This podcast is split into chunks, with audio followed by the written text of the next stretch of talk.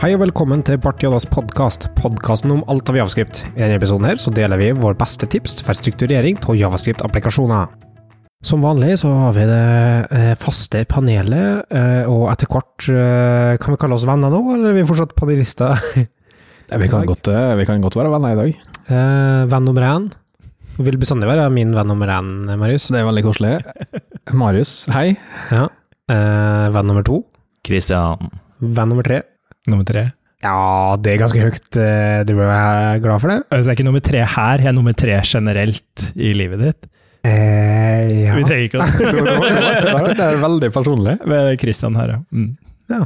Du, jeg tenkte vi skulle prøve en litt sånn annen ting i dag. Eh, prøve å, være konkret. Prøve å eh, finne fram til konkrete tips som vi kan si til folk, eh, som de kan ta med seg ut for å høre på eh, dette her på vei eh, til jobb, eller til vei eh, på vei til hytta, hvis de har det, eh, eller i, i skolefri i påska. Jeg vet ikke når påska er, eller når du hører det her.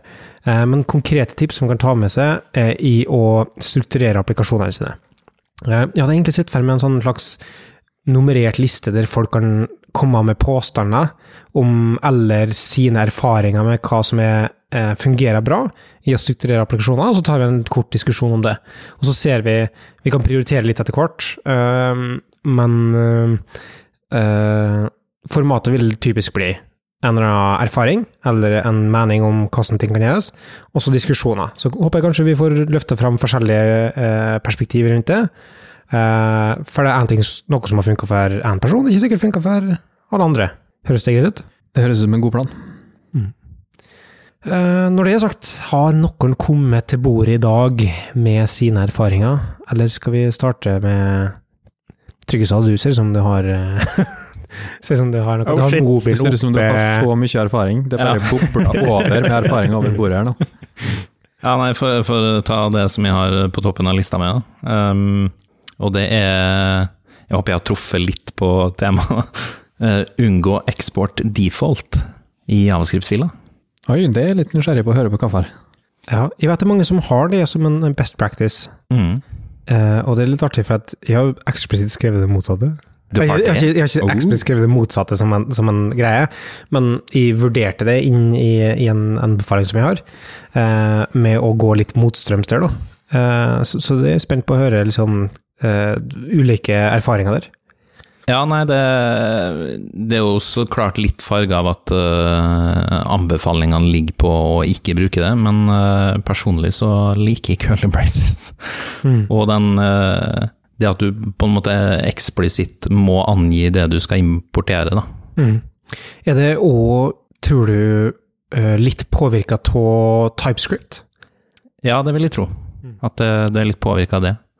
Og så tenker jeg også at det er litt mer future-proof, uh, for du kan Det er enklere å på en måte eksportere én ting til fra den samme fila, da, og bare legge det på i import statements enn å måtte drive og gjøre om på hele import statementen sin fordi at du nå har en default eksport pluss noe annet. Mm. Så I modul-resolvinga så er det jo vært tradisjonelt sett en del problematikk rundt defaults. Det Du må patche ting i bakhånd for å, eh, for å få det til å fungere på en god måte.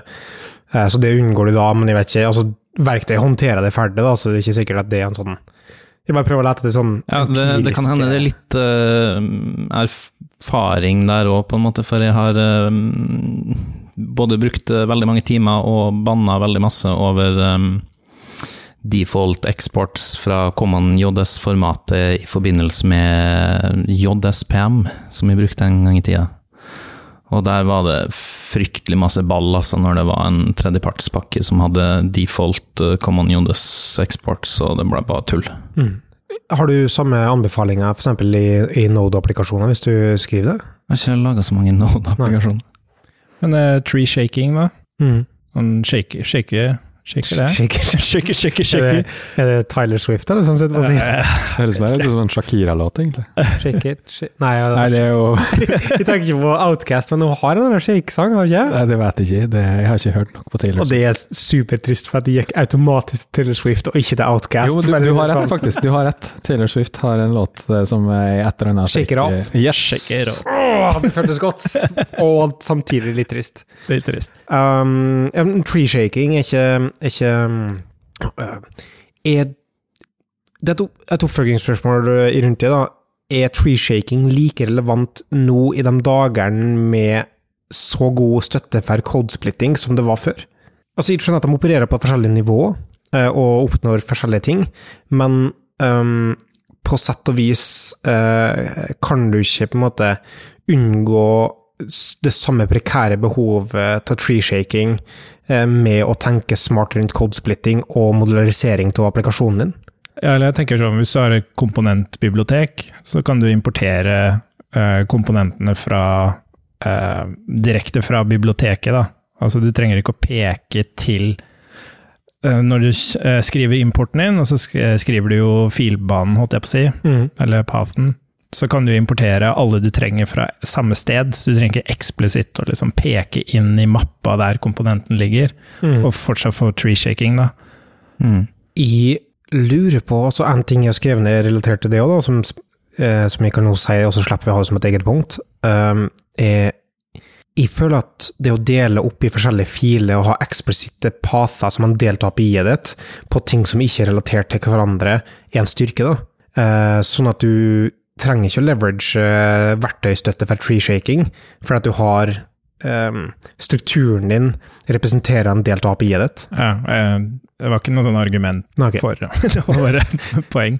Ja. Men uh, en annen ting som er uh, Jeg tenker på React. Mm. React bruker jo uh, eksport, ikke eksport default i utgangspunktet. I hvert fall når du bruker TypeScript, så vil den at du skal bruke stjerne as React. Ja, du men de eksporterer default òg. Ja, for det funka fint med import React from React òg, i Ja, TypeScript. Men i TypeScript så vil man egentlig ikke gjøre det, og det som skjer da, er at når du da tar import uh, stjerne as React, så får du ikke da eksplisitt importert use eh, state og use effect og sånn, Mm. for det, syntaksen støtter jo ikke det. Eh, så det er en sånn negativ ting med å ha eksport, faktisk. Men det er ikke konsekvensen av at uh, import React er egentlig en sånn patching av den default-funksjonaliteten som vi snakka om innledningsvis? Jo, jo. Um, Så, men du må stille, du må justere konfigen din i Du må justere TS-konfigen din for å skru av det at eh, TypeScript eh, vil at du skal ta stjerne eh. Eller whatever. Ja. Rent um, konkret grunn til at jeg tenkte uh, Tryggestad med at jeg, jeg, jeg vil egentlig anbefale den, eller ikke anbefale, men jeg, jeg har bedre erfaring med det motsatte. Mm. Det å tenke hierarki i hva du eksporterer, eksporterer på, eh, på et vis. Særlig i, i, hvis du opererer i React-land eller komponentbasert eh, land, så kan eh, den hovedtingen du eksporterer, den som er meninga med, med funksjonaliteten din, være eh, eksportert by default, men så legger du opp støttefunksjonalitet rundt andre. Og i hvert fall i TypeScript, der du kan ha for eksempel det er komponenten min, det er den som er viktig, og her har du typen som du kan måtte importere i tillegg til det. Mm. Mm. Ja. Men en annen ting er navngiving, da. At du, du har mer konsistent navngiving Mm. på importene dine når du importerer fra en eksport. Ja, den, den, eh, og den, det, er en, det er en reell greie. Eh, kan vi forklare hvorfor til ja, lytterne? Eh, Hvis du importerer default, så navngir du jo selv hva den importen skal hete i fila, mens når du importerer fra en eksport, så må du jo navngi konkret, eventuelt være veldig eksplisitt om at du ønsker å kalle den for noe annet. Da. Mm. Så mm. Men så, det er helt Ja, det, det, det på en måte gjør at du kan uh, bruke rename-funksjonen i TypeScript uh, og få det endra overalt, da, på en måte. Mm. Mens hvis du har default-eksport, så vil på en måte den gamle navnet ligge igjen. Men der har verktøysettet eh, gjort at du patcha det ganske greit uansett. da. Du kan fint eh, skrive navnet på den som jeg eksporterer, hvis du har en named export, Altså ikke en named export, men hvis den funksjonen som du eksporterer som default, er named og ikke anonym, eh, så eh, kan du via IntelliSense, eller whatever det heter i VS Code, eh, slå opp og importere automatisk fra den fila òg, da. Så, så verktøyet har patcha litt der. Men, det, men det er definitivt en, måte en, en, en case for å, å bære forholde seg til det. For, det, for det er i hvert fall fordelen med eksport, det er intelligence, at den skjønner hva du er ute etter. Mm. Men du sier at det fungerer med eksport default hvis du eksporterer en navngitt funksjon? Mm. Ok. Hvis de eh, i en modul, eh, Alfoni is the best, eh, .ts Nå snakker jeg språket ditt, Kristian. Artig. Um, og så eh, export default function uh, Alfoni FTV. Uh, og så i en annen plass bruker jeg Alfoni FTV. Så sier han å, vil du ha det fra Alfoni is the? Eh, X, da, hvis det er en komponent. Men ehm, det, det er egentlig en sånn kompensering fra verktøy, da. Mm. Så, ja. Jeg, jeg, jeg kan, en annen ting jeg kan kjøpe med det du sier, da, eh, og bestandig helst den ting, det er at du bestandig helst den ting. Du slipper å ha på en måte sånn Nei, her gjør vi det, men her gjør vi det. Mm. Altså fragmentering av forskjellige måter å gjøre det på. Ja, men jeg har aldri tenkt over det du uh, sa med at du har default-eksporten som liksom den hovedtingen, og så har du støttetyper og sånn i forhold til TypeScript, da, i hvert fall. Uh, I forhold til en dimensjonen dimensjon til uh, abstraksjonen din, da, eller til API-et ditt, Mm. som, som du ikke har. Men, men det kan ha sine skyggesider òg, da. Mm. Der har jeg et beslekta tema som eh, har blitt litt populært i Angler-verdenen, i hvert fall. Med noe som man kaller barrel-filer. Og det er rett og slett uh, filer som uh, heter index.ts. da. Å, er det Ah, kallenavnet? Ja, ja aldri Barrel-filer. eh, navn på. ja. Index.ts-fil som egentlig bare eksporterer public API til den Ja. mappa. da. Jeg er kjempefan. Ja, sure. Ja. Barrel it up, sier vi. Ja, vi begynner å bruke. Ja. Eh, nei, for det, det har jeg jo i utgangspunktet, eller det går under en, en, en ting som vi kaller funksjoner og moduler. Eh, som i utgangspunktet er at eh, folk er litt sånn redd for å dele opp ting i funksjoner, eh, og, og trekke ut eh, eh, ting til, til funksjoner og, og moduler. Eh, og i, i rundt det med eh, moduler, så kan du dra den dimensjonen i ganske mange nivå. nivåer. Da. Du kan ha på en måte bare i samme fil, og så kan du ha i en annen fil. Men så eh, er det måten som vi tror de flesteparten strukturerer prosjektene sine på nå, som er liksom module folders eller feature folders. da. Mm. Så vi har gått litt vekk som, eh, som industri, tror jeg. Eh, Vi tror ikke tråkka på Jeg tror ikke sparka inn eh, så stengte dører egentlig med det, men gått mer over til feature eh, folders. Det er en del sånn som Create React App og sånn legger fortsatt opp til å være mer layered architecture over feature eh, folders. Men eh, det, er stor aksept for feature folder-strukturen, som i utgangspunktet er grupper informasjon som er relevant for hverandre eh, i egne mapper, uavhengig av teknologi de bruker, så lenge de har tilhørighet til seg sjøl. Mm. Men hvis du bruker Create React App nå, så er jeg ganske sikker på at du får barreling per default, altså. Og den legger opp til det. Jo, men de mener at de har en mappe som heter Components, som har sånn indeks eh, T6 og whatever. Eller JS, Tror jeg. Ja, nå, Eh, så det er de- der de har liksom sånn Her skal alle komponentene dine være, her skal alle servicene dine være. Og så vet- og det er mer layered architecture over feature-based, da. Eh, Der du grupperer etter området i arkitekturen din over hva slags semantisk tilhørighet de har. Jeg har aldri brukt det, faktisk. Jeg, Layered architecture. nei, eh, feature. Oh, ja. Ja, jeg syns det er sånn det er, Men nå har jeg liksom ikke prøvd det heller, så jeg skal ikke si så mye imot det. Men det jeg syns virker vanskelig med det, er at du må vite domenene dine veldig godt på forhånd. Jeg, min erfaring er at når jeg utvikler apper, så vet jeg veldig lite Men du må ikke det. Poenget er at uh, du plasserer det der du holder på, der og da. mm, Ser du at, det ikke, ser du at andre ting har behov for det, så flytter du det. Ja, Ser du at andre ting enn der har behov for det, flytter du det. Ja. Så det er et hierarki av informasjon som bestandig flytter seg til eh, den minste felles multiplum, eller whatever. Der du flytter det til der det er felles parent, så de som har referanse til det. Eh, og poenget, eller det som er målet i hvert fall, sånn som i, i hodet mitt, det er at eh, du skal kunne vite at det her er trygt å slette, eksempel.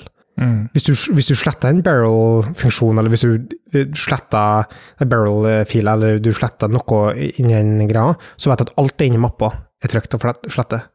Og da kommer vi tilbake til den barrel-fila som du sier, da, at alt skal eksporteres via den. Mm. For det er public interfacen din. Med mindre du eksplisitt har et annet del av filstrukturen som sier at her er en del av API-et, men da du, da må du håndtere det på en, på en måte. Eh, men det du oppnår da, er at hvis du, øh, hvis du ikke lenger bruker den komponenten eller den modulen som du eksporterer deg via barrel-funksjonen din, barrel-fila di, liker det uttrykket allerede, når ting har et navn, um, så vet du at alt inni her, den SVG-fila kan slettes. Den uh, input-komponentfila di, uh, som er addbutton.tsx, den kan slettes, for den er bare brukt inni der. Hvis du har en fil i components som, som heter button.js, eller tsx, eller ts, eller whatever, eh, du må hvile mye mer på verktøy for å håndtere og se om den er brukt eller ikke. For du har ikke gruppert ting som har noe med hverandre å gjøre. da. Men er det ikke slitsomt å jobbe sånn, og konstant flytte på ting? Nei, det, det er ikke så konstant. For det meste så klarer du å helle seg i for seg sjøl. moduler kan referere til andre moduler på, på en måte òg, men gjennom et public barrel, barrel fil. Men har man unntak, som ta, man sier komponenter, men så er det også UI-komponenter, sånn som du sier button da. En button vil jo tydelig være på tvers. Da sånn har som jeg, da har jeg ofte, og det, det varierer. Altså, for det første jeg sier på ingen måte at det er en perfekt løsning. Jeg sier bare at for min del så har jeg erfart bedre evne til å håndtere endring over tid med den tilnærminga. Um, og um, en av utfordringene er f.eks. sånne eh, shared components, som er små. Men, eh, og det varierer litt hva jeg gjør. Av og til så har jeg under f.eks. inputs, en egen modul som er inputs, som eksporterer eh, nesten som et designsystem som bare eksporterer fullt og forskjellig de, de eh, komponentene som er generelle til å gå på tvers av ting. Da. Ja, og moduler kan, eh, noen av de inneholder eh, både eksplisitte komponenter, UI-komponenter, kanskje litt state-håndtering, mens andre er bare komponenter, så de må liksom ikke være alt, holdt Nei, jeg på å si. må ikke være det. Mm. Eh, og det, det du får med det, da, det er, en, det er at du optimaliserer for å kunne slette ting. Det å fjerne det, som i eh, Det er det vanskeligste med utvikling i utgangspunktet, å vite når kan dette fjernes. I det øyeblikket du skriver en linje, så føles det som at dette kan aldri fjernes i historien av tid.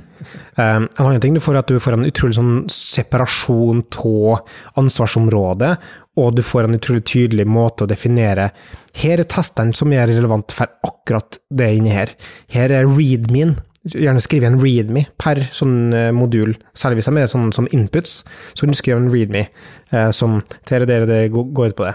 For eksempel nå så lagde jeg en, en theme-modul som abstraherte vekk eh, stylesheets i React Native, og den har sin egen readme-fil inni den, selv om det er bare en del av systemet ditt, som har sine egne tester, som har sin egen dokumentasjon på hvordan det funker, som hjelper folk å på en måte skjønne konteksten av den bruken. Da. Eh, en annen fordel med feature folders er vel kanskje navngivninga av komponentene du har inni en feature. Eh, det, altså, du får ikke name clashes da, på, på samme måte. Så hvis du har en article feature, så kan du ha en header og en body og en footer component inni der. Så kan du ha header, footer og body component i mange andre features også, uten at du får en liksom krasj. Ja, veldig godt poeng. Og jeg har blitt mer og mer glad i, i CSS-modules òg, som også spiller på lag med den måten å tenke på, da, for da har du CSS-filer i samme modulen, som er scopa ned til de komponentene som du har det i det området. Eh, men den store ulempa kanskje er at når du skal finne en fil, så er det heter 93filindex.js. Ja, ja. ja, du er avhengig av å kunne se pathen på det òg. Ja, Men det- eh, det spiller jo også, eh, vil jeg argumentere for at det spiller litt godt eh, sammen med lazy loading eller code splitting, eller hva du han har lyst til å kalle det. At du på en måte du kan på en måte ta utgangspunkt i at en hel feature skal kunne codesplittes, sånn at det er sin egen bundle, eller det er en egen route, altså hovedroute med mange underruter inni en feature, f.eks. Og Ja. alle dem kan lazy loades. Og så er veien for å, gjøre det, det Det tvinger deg til å tenke en del best practices allerede, da. som f.eks. det med readme og tester i, i, i, seg sjøl. men så er å veien derifra til å gjøre det en generisk greie, blir kortere. For du bare trekker det ut, og så kan du ha det i en egen modul. For du har allerede tenkt moduler. Og, og det har jeg benytta meg av eh, flere ganger. Eh, det at eh, å ja, nå har vi tre prosjekt som skal bruke det her. Da trekker vi ut til en egen NPM-pakke. Eh, og da er det bare å copy-paste, liksom, for det meste. Da. Mm. By the way, pro tip i VS Code. Uh, når du skal søke etter filer, hvis du skriver en hashtag eller en skigar der, så kan du søke etter metoder i filer. Visste du det? Med command P, ja, tenker du? Ja, command P. Mm. Ja, det er helt insane eh, kraftig. Mm. Er det noen som har flere tips? Eh, hvis vi skal prøve å berike episoden med enda mer eh, forslag til ting man kan gjøre for å få bedre kodekvalitet? Jeg har en ting som er på filnivå, eh, som jeg har ført i 15 år. vi, eh, det er sånn forskjellige school of thoughts på det òg. Eh, og enkelte sånn lint-konfigurasjoner legger opp til at det ikke skal føles sånn. Eh, eh, og nå mener jeg at Airbnb-linting har gjort mer skade egentlig enn det har gjort, gjort nytte, uh, i, fordi den har vært for streng på mange måter. Da. Og den legger f.eks. opp til at dette ikke skal være mulig. Eh, men jeg mener at dette er fortsatt en god idé. Eh, og det er rett og slett at i en fil og en modul, eh, så skal du prioritere etter viktighet på koden din. Det som du vil at folk skal se når du åpner fila, det skal være lengst opp. Altså det som er liksom kjøttet av en, en, en fil, det skal være rett i fleisen når du åpner fila. Og det betyr konsekvensen er at du skal ikke på en måte tenke leksikalsk nedover, men du skal benytte det av function hoisting i Javascript. Eh, som, som måten jeg strukturerer eh, en fil på, er eh, La oss operere i, i TypeScript-verdenen. Det er eh, en liten digresjon, eh, Tryggestad, men her om dagen så skal jeg kode en liten eh, Javascript-snutt på en liten separat eh, Det var en GitHub-bot. Og så bare åh, fikk ikke noe code completion, det var for slitsomt, jeg må bruke TypeScript. jeg er på vei mot det, og nei, rename Bart TS Nei, nei, nei. Men uh, TypeScript er fortsatt eh, eh, overvurdert. Men uh, um, hvis du har TypeScript, da, uh, så er det liksom globale typer som eksporteres helt på toppen, som gjelder for, for hele Det er liksom sånn Det her er, det her er API, integrasjonspunktet til modulen min. Det er typeren, sant? Mm. Eh, og så kommer den, eh, hvis du bruker da default exports, rett etter det igjen. Så du har globale typer, default export, eller den eksporten som du har. Eh, men hvis du har liksom adhoc-funksjoner som er bare små hjelpefunksjoner, som f.eks. sammenslå CSS-klasser, eller eh, eh, prefikse, eller compose, eller whatever, altså sånne små Hjelpefunksjoner. pittersmå hjelpefunksjoner, gjerne arrow functions, um, så er de rett over der igjen, som bare sånn at du har konteksten til dem. Uh, og så lenger ned så kommer f.eks. andre modul, eller andre funksjoner som du eksporterer. Og så helt nederst så kommer hjelpefunksjoner som er brukt på tvers av hele fila, som har litt større function body, eh, men egentlig ikke så viktig å kunne konteksten av. Eh, og det spiller jo igjen på det med å navngi ting. Det å separere ting ut i funksjoner, og gi dem et eksplisitt navn, eh, det har en utrolig kraft. da. For at idet du setter et navn på noe, så har du samla alle detaljene. Det er, en sånn konkret abstraksjon. Det å navngi noe har en, eh, det, en, det er den enkleste formen for abstraksjon som er, men også den kraftigste. For det å bare samle et sett med operasjoner, og så gi det et, et eh, konkret navn på hva det oppnår. Eh, så de, det som står inni dem, det, er- er implementasjonsdetaljer. Det kan bare pushes helt ned totalt irrelevant, med mindre du må faktisk håndtere det. Så det er ikke, vik det er liksom ikke viktig at det skal være lenger opp, da. Mm. Og det er veldig vanlig, når du sier det der med hjelpefunksjoner. Det er så vanlig at man putter de opp. Man lager en komponent, eller sånn, så smeller man det alltid over, for det, bare, det virker mest naturlig. Men til og med det der, spesielt når man bruker export default, da, man kan faktisk putte noe videre ned, forbi den linja i koden din. Det er sånn Man tenker at man egentlig ikke kan gjøre det ofte. Function hoisting er en kjempekraft Mm. i, i Javascript og TypeScript. Og selv om du bruker konst, og selv om du bruker, hva, altså om du bruker arrow functions, eller om du bruker um, uh, function declarations, alt blir hoista opp. Um, Skal du ta et lite øyeblikk og repetere hva hoisting er? Ja, det er kanskje en god stund siden vi har vært innom det. definisjonen av en ting blir uh, hevet i toppen av det skåpet som du er i. Mm. Eh, og sjøl konstdefinisjoner blir hoista opp, um, men du kan ikke bruke dem uh, i, i, den, i den området som er toppen av scopet ditt, og ned til der de blir deklarert. Men hvis du har det pakka i en funksjon, så kan du fint bruke det, for det skjer senere i forløpet, og da bruker du closures til å gjøre det. Uh, og det området, som er mellom konsten og toppen av fila, er som vi alle vet, En temporal dead zone. Yes! Og det kommer også segmentet vårt, Temporal Dead Zone-navnet fra. Hva syns du om, den strukturen, uh, Tryggestad, Alfoni? Marius? Jeg, personlig så får jeg litt fnatt når eh, ei fil blir eh, større enn et visst antall kodelinjer, så jeg har en tendens til å ta de, de funksjonene du har i bånn. de De finnes sannsynligvis i en annen fil i min eh, verden. da. Men, eh, men eh, jeg har ikke noe sånn spesiell, spesifikt antall kodelinjer. Det er bare opplevelsen av at fila nå har den blitt for stor. Kjenner det litt på kroppen, liksom. Ja. Ja, jeg skjønner. I, Ja. for min med del, kaffekoppen og Ja. ja. Mm. I for min del så handler det om uh, hvem som har bruk for det. I det øyeblikket bare den komponenten eller den funksjonen her har bruk for det, ha det så tett som mulig. Det spiller i tråd med den feature folder-tankegangen. Ha det så nærme, eh, nærme bruken som mulig. Er det kun den som bruker det, så ikke trekk det ut. I det øyeblikket vi trekker ut, så er den generell, og da er den mye vanskeligere å håndtere eh, i endring og sletting. Mm. Og så må jeg spørre deg, hva kaller du den fila da? Helpers. Ikke utils, altså. Nei. Alltid helpers. Igjen utils-person. Hva du, Trygve, sa Nei, eh, Alfoni? Eh, nei, jeg bruker. Utils. Marius? Røkla jaddas. ja. uh, men uh, apropos eksport uh, default, en ting som er negativt med det, det er i forhold til typing. Du får ikke, når du har eksportkunst, så kan du type variabelen. Hva er det det skal være for noe? Men eksport default, så får du ikke satt typen sammen med eksporten. Men du kan ha en funksjon regner opp som du har type altså Ja, eksport forhold. Men du får ikke gjort det med eksport. Den svake TypeScript i utgangspunktet, eh, det er en del eh, deklarasjoner, funksjonsattribusjoner eh, og typehinting som er problematisk. Særlig med um, du blir tvungen til å bruke arrow functions for å kunne en eksplisitt navngi generic types, eh, eller eksplisitt type forskjellige funksjoner, uten å bruke det som en del av funksjonsdeklarasjonen.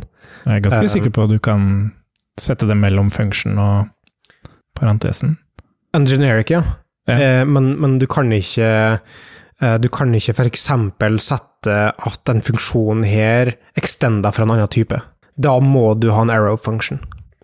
Eller bruke et interface som du setter den på. Mm. Eh, for at du typer variabelen og ikke funksjonen i seg sjøl. Og en annen ting som er da paradoksalt Nå nå er ikke det en TypeScript-episode, men en annen ting som er paradoksalt med det, er at i det øyeblikket du introduserer f.eks. Uh, en generic til den, den typen som du har generic i. Og det er typisk i, i React, der du skal si en uh, funksjon er React av function component av en prop type, uh, og så har den en generic. Det er ikke mulig. Ja. Oss, uh, Jeg klarer ikke å få det fram i hodet mitt. Uh, nei, det er ikke så farlig. Vi, går videre. Men jeg, jeg, jeg har i hvert fall ikke funnet en måte etter mange timer googling, eller sikkert totalt sett 30 minutter. Jeg har en uh, som jeg syns er litt interessant. Um, jeg, og jeg er litt sånn uh, fram og tilbake på det. Det er det her med å splitte opp alt i små funksjoner, eller uh, skrive en klasse, istedenfor rett og slett for struktur. Og det jeg tenker mest på da, det er discoverability. Det å kunne peke til én ting, og så du, får du informasjon om det. Så det jeg mener å si, er at hvis du har splitta opp litt eh, funksjoner her og der, og så skal du jobbe med et konkret konsept, så eh, er det ikke like discoverable, for du må vite hvilke filer du skal hente det fra. sånn. Men hvis du organiserer ting i en klasse, så får du sånne ting som ok, du peker til Selv om du bare har én instans av den klassen, så kan du peke til den, du får opp alt sammen. Du kan velge at deler av det skal være privat, fordi noen av disse funksjonene, eller metodene, da, eh, trenger noen helpers, og de gjør du private, f.eks. Så du har, det er en måte å organisere kode på i seg selv. Og da tenker jeg ikke på arv eller noe sånne ting, det er bare det at du samler funksjonalitet i en klasse. Da. Og det gjør jeg noen ganger, rett og slett fordi jeg, det henger så tett sammen, og jeg vil ha den der discoverabilityen og Hoppa du ikke bukk over moduler? Nja Nei, for du har ikke samme i forhold til privat og, og Jo, har du ikke det? Altså, en modul en, en, ja, I praksis en, en fil nå. private. Nei, du sier ikke private, men du sier her en variabel som vi ikke eksponerer, som er private. Altså, Ja, ja. eh, før i, i gamle, eh, gamle dager Mm. eh, så hadde vi module pattern, som, som du gjorde for å eh, si hva slags ting som var eksponert som en del av API-et ditt. Mm. Som var i, i praksis bare en IAF, eh, eller IFA, eller eh, jeg kan, eh, jeg har lyst til å kalle det en SIAF, men eh, jeg tror det er IIFA. eh, AIIAF. Som, eh, som var den Som står for eh, Immediately Invoked Anonymous Function. en IFI. IFI? IFI. ja. eh, immediately invoked function expression. Ja, eh, så jeg oppdaga eh, Kort eh, greie. Jeg oppdaga at eh, jeg drevet og kalt det en ting, og jeg nå mista konteksten over hva Eller mista tråden over hva jeg kaller det som er feil. Men jeg drev og kalla det noe som jeg bare, Ja, men det heter vel det, og så eh, googla vi det, og så fant vi ut at Javascript Community kom til felles konsensus at vi skulle slutte å kalle det det i 2012. Eh, og jeg har gått rundt som en dufus og kalt det samme uh, pre-2012-termen. Men whatever. En uh, Ifi eller uh, Sifi. På samme måte som du ikke kalte ting for depressed. Det skjedde ett år. Det er ikke første og ikke siste gang vi tar opp den. Men hva med Eh, testing? Hvordan tester du en modul? Du tester API-et og ikke private ting. Jo, hvis den har intern state. Modulen har intern state. Eh, Jo, men det er derfor du skriver det uten å ha intern state, men å ha staten med som en inversion of control. Så immutabel og sendt fra toppen. Jo, men hvis det alt henger Altså hvis Hva skal jeg si? Altså Det er veldig lett å si i forhold til en bruker, for eksempel. Mm. At eh, Eller det er egentlig et veldig godt eksempel. Hvis du har en bruker, da, en brukerobjekt, og så er det da hva kan du gjøre med denne brukeren? Mm. Så vet du ikke det når du ser på brukeren. Du må vite hvor disse funksjonene lever, for å kunne endre navn på den, eller whatever da disse funksjonene er. Mens hvis du har en instans av en bruker, så kan du peke til brukeren, og så vet du alt du kan gjøre med den brukeren. Jeg liker den. Jeg liker veldig godt det. Jeg Jo, men det, er det akkurat samme oppnår du med en modul. Nei, men poenget er at du må vite hvor disse funksjonene er. Altså, I denne- modulen. Nei, men, nei, men eh, altså, denne brukeren kan leve hvor som helst i koden din, i hvilken som helst fil. Ikke sant? Mm. Og så kommer du til en ny kodebase, du ser at her er det en bruker. Hva kan jeg gjøre med denne brukeren? Du aner ikke. Du vet ikke om denne modulen. Men hvis det hadde vært en instans av en bruker, så kunne du bare trykke punktum, og så står alt du kan gjøre med den brukeren. Du ofra Eller du får én ting, eh, og så ofra du en, en massiv andre del ting. Eh, du har jobba på store kodebaser som har tjukke modeller, som, som det i praksis beskriver. da. Mm. Eh, og det er en, det er en sånn eh, Etter min mening, da, eh, en, en slow-boiling frog-problematikk. Mm. Der du, det er så lett å akseptere mer og mer kompleksitet i det, og så oppnår du et punkt der du ikke vet hva som er trygt i det hele tatt, og, og bruke og ikke bruke, og eh, det er så ufattelig vanskelig å tenke over API-endringer i en sånn situasjon. Mm. Um, og, og derfor er det mye enklere med funksjoner som får inje, injisert det, eh, i stedet for å operere på, på seg sjøl. Det er enig og spesielt det med disse funksjonene, og det de gjør, er jo det at de er pure, som regel. At du sender noe data inn, og så manipulerer du det, og så sender du det tilbake. Og gjerne, Ref med testbarhet som du snakka om, og så får du automatisk den biten der. Men ja. men, eh, men jeg tror det er det jeg på en måte oppdaga, at så lenge den klasseinstansen, at den ikke har noe Den er en pure class, hvis du kan kalle det for det. At du bruker den ikke til å f.eks. Eh, save user. Det er en sideeffekt. Det ville jeg på en måte ikke gjort. Men det å bare ha alle disse pure functions som en del av klasseinstansen for discoverability, da. Mm. Det Ja, jeg syns det har vært en bra ting, men det er veldig lett å skli over i, i arv og effekter og Mm. ting som ikke burde være der. Da. Du nevnte eh, testing i stad.